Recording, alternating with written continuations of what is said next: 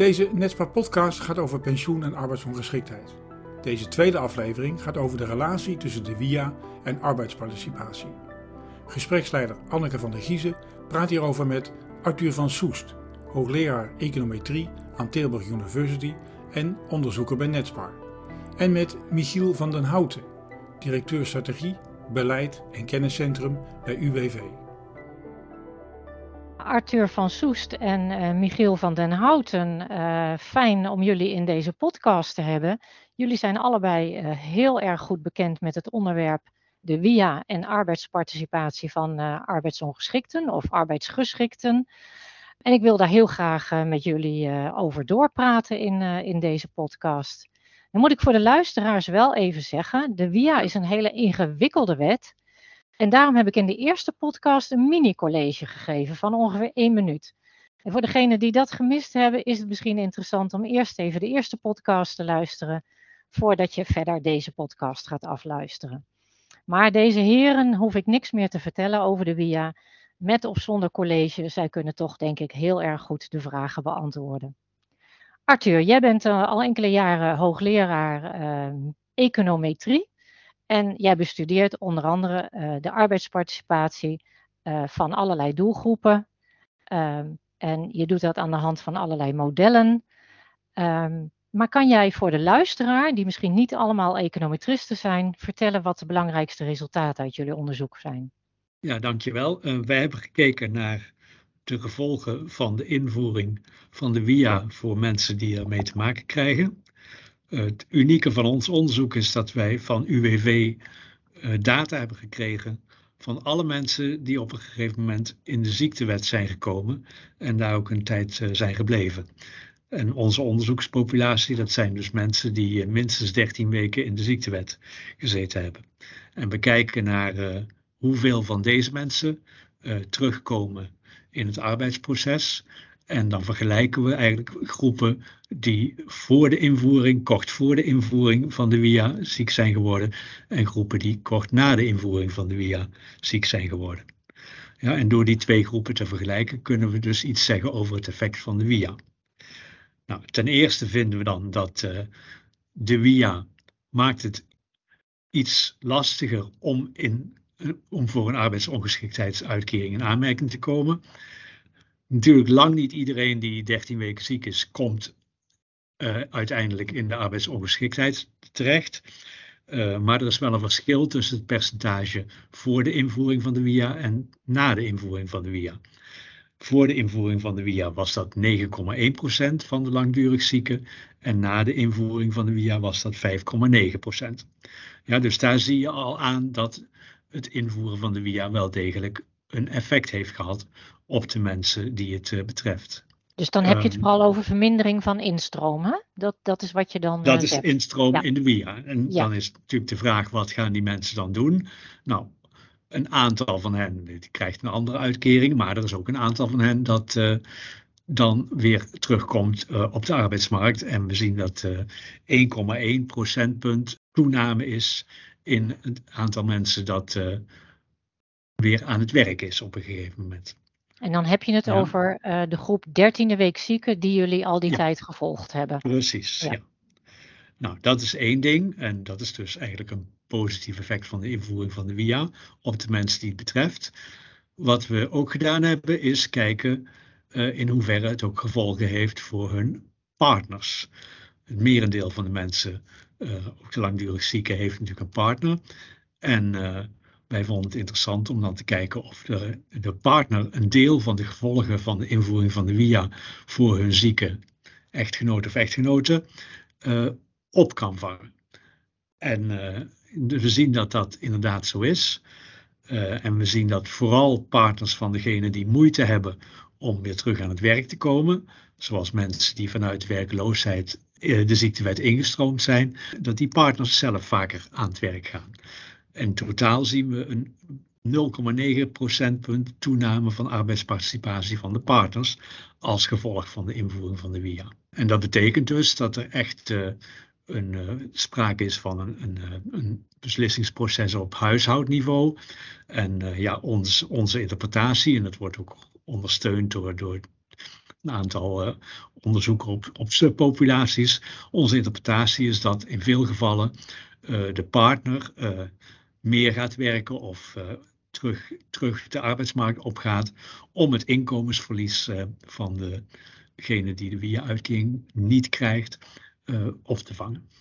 Ja, ik denk dat het helder is uh, dat je inderdaad die, uh, die, die, die verschillen tussen voor via en na via ziet. Het valt mij wel op, Michiel, dat heb jij denk ik ook gehoord, dat die percentagesverandering wel heel klein zijn. Zeker als het om arbeidsparticipatie gaat. Hè. Je hebt het over 0,9% punt meer partners die gaan werken en 1 procentpunt mensen die meer gaan werken. Michiel, zijn dat voor jullie beleidsmatig relevante percentages? Of zeg je van nou alles wat meer is, is al een goed idee? Ja, natuurlijk ook een, uh, denk ik, een hele uh, terechte vraag. Kijk, uh, voorafgaand, we zijn natuurlijk super blij met dit soort onderzoek. Het, het, geeft inzicht in, in effecten van wet en regelgeving en uitvoering. Het zet ook de spotlight op waar je in de uitvoering meer van wil weten, om ook invulling te kunnen geven aan die opdracht die we hebben. Want als ik hem even terugpak naar, naar jouw vraag. Het zijn kleine percentages en enerzijds fijn voor de mensen die aan het werk zijn. Um, maar of we nou tevreden moeten zijn met elkaar, dat vraag ik me gewoon wel heel, heel erg af.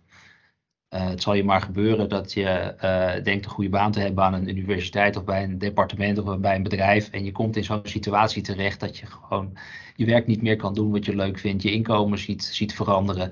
En er wordt gezegd, je mag dan werken naar vermogen. Um, en dan kom je voor een arbeidsmarkt terecht waar dat misschien helemaal niet goed kan. En dan behoor je niet tot die 1% uh, eh, waarbij het wel uitpakt. Daar hebben we gewoon een opgave met z'n allen. Doet, doet, geen, doet niks af aan het positieve effect. Maar je hebt meer te doen als UWV, als beleidsmakers, als, als werkgevers. Dus ik denk dat dit soort onderzoek ook helpt om dan het gesprek te voeren met elkaar. Oké, maar waar kan het dan nog beter? Voor welke groepen Eigenlijk staat er nog veel interessanter. Welke groepen zijn dan niet aan het werk? En wat weten we daarover? Nou, volgens mij doet UWV daar zelf ook heel veel onderzoek naar. Hè. Eh, bij jouw directie hoort ook een kenniscentrum. Je hebt het onderzoek gehoord wat Arthur doet met zijn collega's. Wat gewoon, en fijn dat, dat, dat jullie daar ook heel blij mee zijn natuurlijk. Want ik denk dat het ook heel belangrijk onderzoek is. Maar wat, wat, eh, wat komt er uit jullie onderzoek wat eigenlijk dit verrijkt, uh, zal ik maar zeggen? Ons kenniscentrum heeft een vrij brede kennisagenda. die zal ik niet eh, hier proberen samen te vatten. Die, eh, die is gewoon, eh, gewoon vindbaar. Met een vrij breed kennisprogramma voor de komende drie, vier jaar. En die richt zich op nou, een vrij breed palet aan, aan onderwerpen. En ik, kies er twee uit, omdat enerzijds in hetzelfde hoek van wat zien we nou trendmatig voorbij komen, daar doen wij ook onderzoek naar. veel monitorwerk, veel van die data die gebruikt kan worden door universiteiten, die, die verzamelen, daar, kijken we ook naar. Uh, recentelijk een onderzoek gedaan naar een toch wel verrassende groei in de instroom van de VIA. Uh, proberen dan te duiden. En uh, dat kunnen we deels zelfs. En deels is dat een, een opzetje voor het gesprek met, met wetenschappers en andere experts om daarmee verder te gaan. Maar we doen ook heel specifiek onderzoek naar de effectiviteit van bepaalde interventies. We hebben een vrij groot onderzoek gestart naar dienstverlening voor mensen die in de, de WGA zitten. Uh, waarbij we variëren in de intensiteit van die dienstverlening, zodat je ook na verloop van tijd kan zien van hey, wat is nou de effectiviteit van meer of minder intensief hulp bij, bij het zoeken naar werk. Specifiek onderzoek naar, naar, naar scholing, wat doet dat? Uh, doenvermogen is een thema, misschien komen we daar zo meteen ook nog wel wat uitgebreider terug. Waar we nou ja, veel onderzoek doen naar van wat beweegt nou ehm, cliënten, burgers in het gedrag wat willen ze, wat kunnen ze, wat doen ze uiteindelijk uh, als ze te maken krijgen met een, uh, met een, met een WIA-uitkering of interventies vanuit het UWV. Wat je dus eigenlijk zegt is van nou, hoe kunnen we die 1% punt van Arthur, hè, hoe kan je die vergroten? Door heel specifiek in te zoomen naar welke dienstverlening kan die effectiviteit ook vergroten. Dat is tenminste wat ik je hoor zeggen uh, door heel precies te kijken naar die dienstverlening. Arthur, als jij uh, jullie je onderzoek uh, inrichten, hè? want jullie gebruiken dan al die data, hè? De, eh, de, databestanden ook van UWV en van het CBS. Hoe kan jij Michiel dan helpen om na te gaan waar zeg maar, de, de game changers zitten om die effectiviteit groter te laten worden dan die 1%? Hoe komen jullie tot hypotheses of, of ja. in welke subgroepen ga je toetsen, zal ik maar zeggen? Misschien mag ik toch eerst even die 1% punt nuanceren. Want dat lijkt misschien heel klein, maar dat is ook een manier van hoe je het uh, presenteert. het is 1% van degenen die in de ziektewet terechtkomen. Maar ik zei al eerder, dus minder dan 10% van degenen die in de ziektewet terechtkomen, um, krijgen uiteindelijk een arbeidsongeschiktheidsuitkering al voordat de WIA was ingevoerd. Dus eigenlijk moet je die 1 procentpunt dan zien, afgezet tegen die uh, ruim 9% die uh, arbeidsongeschiktheidsuitkering, die een arbeidsongeschiktheidsuitkering krijgt. En dan is het natuurlijk al een heel stuk groter het effect. Zeg je dan eigenlijk, ik ben niet zo'n snelle rekenaar, maar dat je als je inzoomt om die groep die in de uitkering zou komen, dat je dan eigenlijk, uh, dan heb je het eigenlijk over uh, 1 procentpunt van 9 procentpunt. Dus dan heb Precies. je bijna over 10 procent meer arbeidsparticipatie. Ja, oké. Okay. Ja, nou, maar dat, dat, niet anders, hè? Ja, maar waarom schrijven jullie dat dan niet zo ja, op? Ja, in dat een... besef ik me nu ook, maar... nou, we hebben er inzicht één. Hè? Ja, dus, dus zo klein denk ik niet dat dat effect uh, is uiteindelijk. Uh, wat wij vooral doen is, ja, wij hebben dan dus eerst geschat hoe groot het effect is voor de hele groep. En vervolgens hebben we dan met name omdat we ook geïnteresseerd zijn in de reactie van de partner, hebben we gekeken naar mogelijke verklaringen. En omdat we dan die, ja, zeg maar, theorie hebben dat de partners het uh, inkomens, uh, de inkomensachteruitgang willen opvangen, hebben we op grond daarvan gekeken voor welke subgroep we het dan uh, moeten bekijken. Uh, hè, en dan hebben we dus gekeken naar bijvoorbeeld mensen die uh, vanuit langdurige ziekte gemakkelijk weer terug kunnen komen bij hun oude werkgever. Dat zijn degenen die een vaste baan hadden, grof gezegd. Versus degenen die of een tijdelijke baan hadden die inmiddels is afgelopen, of degenen die uit werkloosheidssituatie in, uh, in de ziektewet terecht zijn gekomen. En dat zijn dus de twee groepen die veel moeilijker hebben om zelf weer aan het werk te gaan. En dan zie je dus ook dat daar juist de partners veel vaker uh, reageren. dus dat is, in feite hebben we die subgroepen dus gekozen om onze theorieën te toetsen. Daarnaast hebben we ook gekeken naar, naar mensen zonder partner. Want dat heeft ook een beetje. De mensen zonder partner hebben natuurlijk de mogelijkheid niet dat uh, hun partner uh, het inkomensverlies uh, opvangt. En we zien dan ook wel dat mensen zonder partner nog iets beter hun best doen om weer terug aan het werk te gaan na de WIA. wat bedoel je met nog beter hun best doen? Hoe zie je dat in data? We hadden gezegd 1,1 procentpunt de stijging in de arbeidsparticipatie als gevolg van de WIA voor de mensen die ziek worden met een partner. Voor de mensen die ziek worden zonder partner is dat uh, nog iets groter. Ik meen uit mijn hoofd 1,5 procent. Oké, okay, dus je, ja, ja nee, ik sloeg even aan omdat je het, uh, de term hun best doen uh, noemde, maar je, wat je bedoelt is dat het resultaat daar beter Precies, is. ja. Ja, dat is wel, dat is wel iets anders. Ja, ze doen waarschijnlijk allemaal hun best, maar nou ja, uit ja. het feit dat het. Kijk, ja, ja dus je ziet eigenlijk de mensen zonder partner. Ja daar, daarbij zie je nog meer arbeidsparticipatie. Zie je dat arbeidsparticipatie met 1,5 procent ja. toeneemt. Ja. Als ja. percentage van het mensen die in de ziektewet terechtkomen. En ik hoorde je volgens mij ook zeggen dat mensen die, en dat noemen wij even in de vaktaal, vanuit het vangnet ziektewet komen, oftewel de mensen met tijdelijke contracten en ja. werklozen, daar zijn de resultaten slechter. Dat zei je toch ook? Daar zijn de resultaten voor de individuen zelf veel slechter. Ja. En dat schrijven we het toe aan het feit dat ja, als je, ja, weer, terug wilt, als je ja. weer terug wilt ja. en kunt in het arbeidsmarktproces, moet je dan nog wel weer een werkgever zien te vinden of een baan zien te vinden. Nou, Michiel, dat is denk ik een heel herkenbaar resultaat. Hè? Want uh, jullie uh, brengen al jaren de monitor uh, arbeidsparticipatie uit. Waarbij de onderzoekers keurig de resultaten splitsen tussen de groep die geen werkgever meer heeft, wat we dan het vangnet ziektewet uh, noemen, uh, en de groep die, uh, bij wie de loondoorbetaling heeft plaatsgevonden, dus de groep die terug kon vallen op een werkgever. En even uit mijn hoofd zeg ik dat de arbeidsparticipatie in die laatste groep ruim twee keer zo hoog is als in de groep die vanuit de vangnet ziektewet komt. Ehm, dat kun je natuurlijk nog uitsplitsen onder 35 min en gedeeltelijk arbeidsongeschikt. Maar uh, dat zien jullie ook uh, volgens mij, Michiel. Ja, dan moet ja, je natuurlijk klopt. wel ja zeggen, maar je mag ook nee zeggen hoor.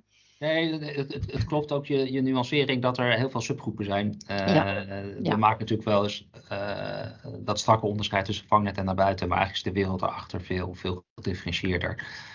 Maar je ziet het ook in, uh, in recent onderzoek. Ik verwees al even naar, hè, als de instromende VS stijgt, dan kijk je ook naar wat een effect van corona. Daar zie je ook effecten die helemaal losstaan van de gezondheidssituatie van een persoon of de werking van wetgeving. Maar inderdaad, het punt wat, wat Arthur noemt. Als je een werkgever uh, hebt, uh, is het echt een stuk makkelijker dan, in, dan, als je die niet hebt om te, om te reïntegreren.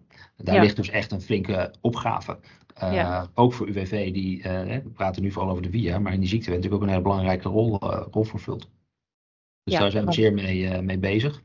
En, en, en Arthur, um, wat ik een beetje weet is, hè, wat precies Michiel zegt, uh, ehm, UWV is eigenlijk de poortwachter voor de VIA voor die uh, vangnetziektewet, waar die poortwachterfunctie normaal of bij de loondoorbetaling bij de werkgevers uh, zit.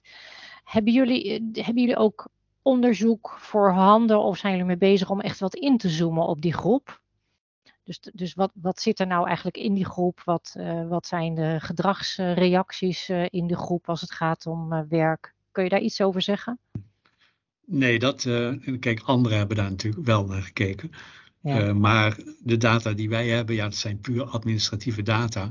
Ja. Uh, en wij kunnen natuurlijk niet aan die mensen vragen van hoe hard ze op zoek gaan of wat hun overwegingen zijn uh, enzovoort. Dus wat dat betreft is, is wat wij doen hier puur kwantitatief uh, onderzoek. Ja. Gebruik maken van de kracht van de data die we hebben. Ja. Maar er zijn een heleboel ja, detailvragen en heel interessante aspecten, ook voor beleid, waar we hier niet, niets over kunnen zeggen. Nee, maar dan gaan we naar collega-wetenschappers, uh, uiteraard. Ja. Michiel, ik heb voor jou nog wel een vraag. Heel veel beleidstheorieën en ook de beleidstheorie rond de WIA, die zijn eigenlijk gebaseerd op het type wetenschappelijk onderzoek wat Arthur en collega's doen. Um, maar de praktijk is veel diverser dan uh, dat de beleidstheorie onder een wet uh, heeft uh, beschreven, zal ik maar zeggen. En heb jij een voorbeeld waarin de beleidstheorie over de arbeidsparticipatie in praktijk toch wel anders is uitgevallen, waar het de werkelijkheid breder is dan wat men had gedacht? Ja, sowieso een heel goed punt. En ook een pleidooi voor een beleidstheorie ook constant goed bij te stellen als je nieuw inzicht hebt. En eigenlijk vond ik net al een voorbeeld interessant over dat je beslissingen ziet op huishoudensniveau. Dat is hele relevante informatie voor als je uh, sociale zekerheidsbeleid gaat maken. Dus die, die werd me net al, al, al aange, aangereikt. Als ik kijk naar eigen onderzoek wat we gedaan hebben, dan zien we bijvoorbeeld bij de VIA uh, heel erg ingestoken op uh, je werk naar, naar je arbeidsvermogen. En we hebben het heel complex gemaakt. En dat zal vast in dat mini-college van jou zitten. Maar op een gegeven moment is er een, ja, een, een restverdiencapaciteit waar je net boven of onder kan zitten. En dat is een vrij digitaal uh, um, uh, instrument geworden op basis van een beleidstheorie dat, dat je ook in staat zou kunnen zijn om dat te kunnen gaan uh, bereiken, die, die, die 50%. In de praktijk zie je gewoon dat de arbeidsparticipatie van nou ja, met name de groep 35-80 gewoon ja, tegenvalt. Je het veel meer arbeidspotentieel dan we eruit halen. En dat op basis van de theorie ook bedacht was. Alleen de consequenties van dat mechaniekje wat we in die wet hebben gemaakt, dat is wel snoeihard op het inkomenseffect. Uh, en los daarvan uh, heeft het ook een effect op um, de onzekerheid waar mensen mee zitten. Dus dat andere aspect van waar we het net hebben over die kwantitatieve effecten, die uit het onderzoek van Arthur blijkt. Uh, als je gaat inzoomen op waarom maken mensen keuzes, dan spelen dingen als onzekerheid van wat leeft nou echt op als ik ga werken. Of oké, ik kan nu gaan werken, maar als ik over een paar jaar terugval, wat gebeurt er dan? Die onzekerheid die, is van hele grote invloed op keuzes die gemaakt worden laat ik hem voorzichtig formuleren. Ik vermoed dat dat soort overwegingen nog niet heel prominent waren in de beleidstheorie toen we aan de VIA begonnen. Of in ieder geval niet voldoende uh, doordacht zijn. En ik denk dat met het onderzoek, wat, wat uh, nou ja, deels door, door, door het kenniscentrum van de UWV, maar ook van vele andere wetenschappers naar voren komt, is dat we daar echt wel uh, iets te doen hebben als we gaan kijken naar de VIA waar die, waar die beter zou kunnen. Ja, dus wat je eigenlijk zegt is dat hij, uh, wat onder economie uh, wetenschappers ook steeds meer opgang doet, die uh, gedragskundige effecten, zal ik maar zeggen, dat die meer en meer ook benut worden in de, ja, in, in, in hoe je beleid ontwerpt. Arthur, in hoeverre... Beleid ont... Het zit hem in beleid zodat ik je onderbreek. Het beleid ontwerp, maar ook hoe wij het als uitvoerder doen. Ja, uiteraard. En, en hoe we de ruimte krijgen van, van de politiek en de ruimte in, in, in regelgeving en in, in, in, middelen en sowieso in, in, in aandacht. Dat uh, mensen helpen met die onzekerheid is, is, belang, is ook belangrijk. Los van kijken of we die, uh, die 10% omhoog kunnen, kunnen krijgen. Ja. Uh, daar is het een opgave voor het UWV. Ja, net, een hele goede aanvulling, Michiel, uh, dank je wel. Maar Arthur, uh, uh, je ziet onder economie, ehm, onder de, de economische wetenschap steeds meer de aspecten van nudging, wat ze wel noemen. En eh, bijvoorbeeld die verliesaversie, de onzekerheid, dat soort zaken zijn steeds helderder geworden. Maken jouw economiestudenten of jouw econometriestudenten ook gebruik van dat soort kennis, dat, die, die meer die gedragskundige beslissingen die mensen nemen? Ze worden zich er wel steeds meer uh, van bewust in ieder geval. Kijk, en vroeger dachten we dat we echt een, uh, het systeem, uh, zeg maar, zo optimaal mogelijk vanuit technisch oogpunt konden inrichten. En dat dan de mensen, omdat het hun, in hun belang was, het vanzelf wel zouden gaan begrijpen. De rationele en, burger bedoel je, hè? De calculerende weten, burger. Ondertussen weten we nu wel dat dat niet zo is. Ja. Ehm, en zien we dus ook, en dat tonen ook onze studenten wel aan met hun eigen onderzoeken, zien we dat mensen gewoon aantoonbaar niet altijd rationeel reageren op uh, bepaalde uh, beleidsmaatregelen. En dingen die er eigenlijk helemaal niet zou, zou, toe zouden moeten doen, zoals in de communicatie enzovoorts, die blijken er in de praktijk heel sterk toe te doen. Ja. En dat is natuurlijk waar we bijvoorbeeld met pensioenen mee te maken hebben, vooral het vrijwillige stuk daarvan. Maar waar we met arbeidsongeschiktheid, voor zover daar keuzes van de individuen in zitten, uh, ook mee te maken zullen hebben. Ik moet zeggen, kijk, de WIA is natuurlijk een prachtige wet en, uh, kijk, en doet echt zijn best om voor mensen die dat kunnen, om die mensen ook weer aan het werk te krijgen. Eh, terwijl de mensen die het echt niet kunnen ook gewoon nog een eh, goede uitkering krijgen. Maar daardoor is het wel behoorlijk ingewikkeld geworden. En dan is er ook nog iets met korte termijn en lange termijn. En wat dan korte termijn is, hangt ook weer af van arbeidsgeschiedenis. Ik moet zeggen, maar dan gaat het meer over de financiële prikkels, waar de volgende podcast over zal gaan. Ik moet zeggen dat ik het ook heel ingewikkeld vind om die regels voor het vervolg van de WIA in de tweede fase, om dat allemaal te begrijpen. Ja. Uh, en uh, ja, ik denk dat daar uh, ja, nudging en, en andere ja, keuzearchitectuurachtige hulpmiddelen wel degelijk bij zouden kunnen helpen. Nou, dat is een mooie afsluiting, denk ik. heb jij vanuit die optiek of vanuit andere optiek nog een vraag aan Michiel of nog een advies aan, aan Michiel? Nou, advies, maar vraag. Eh, we maken ons nu zorgen om, om de opnieuw stijgende instroom. Uh, wat zijn jullie plannen daarmee? ja, Michiel. Dat is een, uh, een, een, een, een, vraag die niet makkelijk te beantwoorden is. Kijk, we zien een aantal dingen tegelijk op dit moment. We zien dat die instroom stijgt, daar moeten we wat mee. We zien tegelijkertijd, en daar heeft de minister ook eind van de zomer een brief over gestuurd, dat onze capaciteit voor het sociaal-medisch beoordelen, dus het kunnen vaststellen wat, wat iemand kan, dat die onder nou ja, zodanig hoge druk staat dat we met gigantische wachtlijsten zitten. En die twee vraagstukken kun je ook niet helemaal los van, van elkaar zien. Dus een deel wat we kunnen doen om überhaupt zeg maar, mensen uh, ordentelijk te kunnen beoordelen, uh, is ook voor een deel een capaciteit die je misschien zou willen inzetten als je ruimer in je jasje zat om bijvoorbeeld aan preventie veel meer te kunnen doen. Um, ik denk dat dat voor een deel uh, kan dat nog steeds, maar daar ligt wel een, echt een uitdaging voor het, voor het UWV op dit moment. Tegelijkertijd zien we ook in dat onderzoek dat er wel degelijk een, een coronacomponent in zit. Uh, nou wil ik niet zeggen dat corona helemaal uit de wereld is, maar dat zou hopelijk ook wel uh, een, een, een, tijdelijke boeg, zeg maar, effect uh, kunnen zijn. In de derde, je ziet daar wel verschil tussen, dat onderscheid is net ook al aan de orde gekomen, tussen, tussen werknemers en, en vangnetters. Dus in die vangnethoek zullen wij als UWV ook zelf onze processen gaan aanpassen. We werken op dit moment aan meer denken vanuit de klant, een, een, een jargon dat dan gebruikt is integraal klantreis. Maar het idee erachter is van veel meer kijken naar, naar de, de stappen die, die, een, uh, die een burger doormaakt als ze bij ons uh, voor een uitkering komen of voor, voor arbeidsparticipatiehulp komen. En, en daar gewoon de processen verbeteren, zodat we de mensen echt beter kunnen helpen dan, uh, dan we soms op dit moment kunnen doen. Dus het is een palet aan, aan maatregelen en um, ja, ik denk wel echt een forse, forse uitdaging voor zowel het UWV als, als het departement. Dankjewel Michiel. Ik denk dat je goed inzicht hebt gegeven in waar UWV inderdaad voor staat. Um, als uh, afsluiting, als laatste vraag, Michiel, heb jij nog een advies aan Arthur en collega's of een andere boodschap? Nou, ik, ik zit ook wel met een vraag. Kijk, wat ik merk in, uh, het is breder bij overheidsdienstverlening en zeker ook bij UWV-regelgeving, is het begrip menselijke maat. Hè? Dat, dat komt heel veel uh, voor. Um, ik denk dat het heel belangrijk is dat we op gevoelsniveau ook best wel daar invulling aan kunnen geven. Het gaat alleen verder dan alleen een beetje behoorlijk met elkaar omgaan. Het zit hem ook zeg maar in regelgeving en dienstverlening. En ik vind het gewoon interessant vanuit, vanuit uh, jouw wetenschappelijke achtergrond.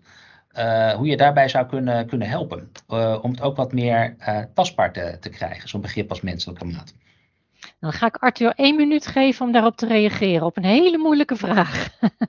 Kijk, het bestuderen van gedragseconomie uh, helpt daar wel bij, denk ik. Want dan weten we hoe, hoe uh, regelgeving in de praktijk ook uitwerkt. Dus dat, het helpt dan om dat daarbij te bestuderen. Ja, verder zou ik zeggen, kijk, maak het vooral niet te moeilijk. Um, He, want ik heb het idee dat veel regelingen, hoewel ze theoretisch misschien optimaal zijn, toch in de praktijk nodeloos ingewikkeld zijn en daardoor leiden tot, tot veel extra kosten, maar vooral ook tot veel foute beslissingen en, ja, enzovoort. Dus. Nou, dan wil ik jullie heel hartelijk bedanken met een oproep tot vereenvoudiging en tot uh, passende dienstenverlening, uh, want dat is eigenlijk uh, wat ik jullie allebei heb horen zeggen. En um, nou, dan, wens ik, dan hoop ik dat de luisteraars weer heel veel hebben geleerd over de WIA en arbeidsparticipatie. Ik wil jullie nogmaals hartelijk danken en ik kijk uit naar uh, de derde podcast. Die gaat over financiële prikkels en de WIA. Hartelijk dank voor het luisteren naar deze Netspar Pensioen en Wetenschap podcast. Meer weten over ons pensioenonderzoek? Volg ons kanaal voor meer podcastafleveringen of kijk op www.netspar.nl www.ecosystemconnect.nl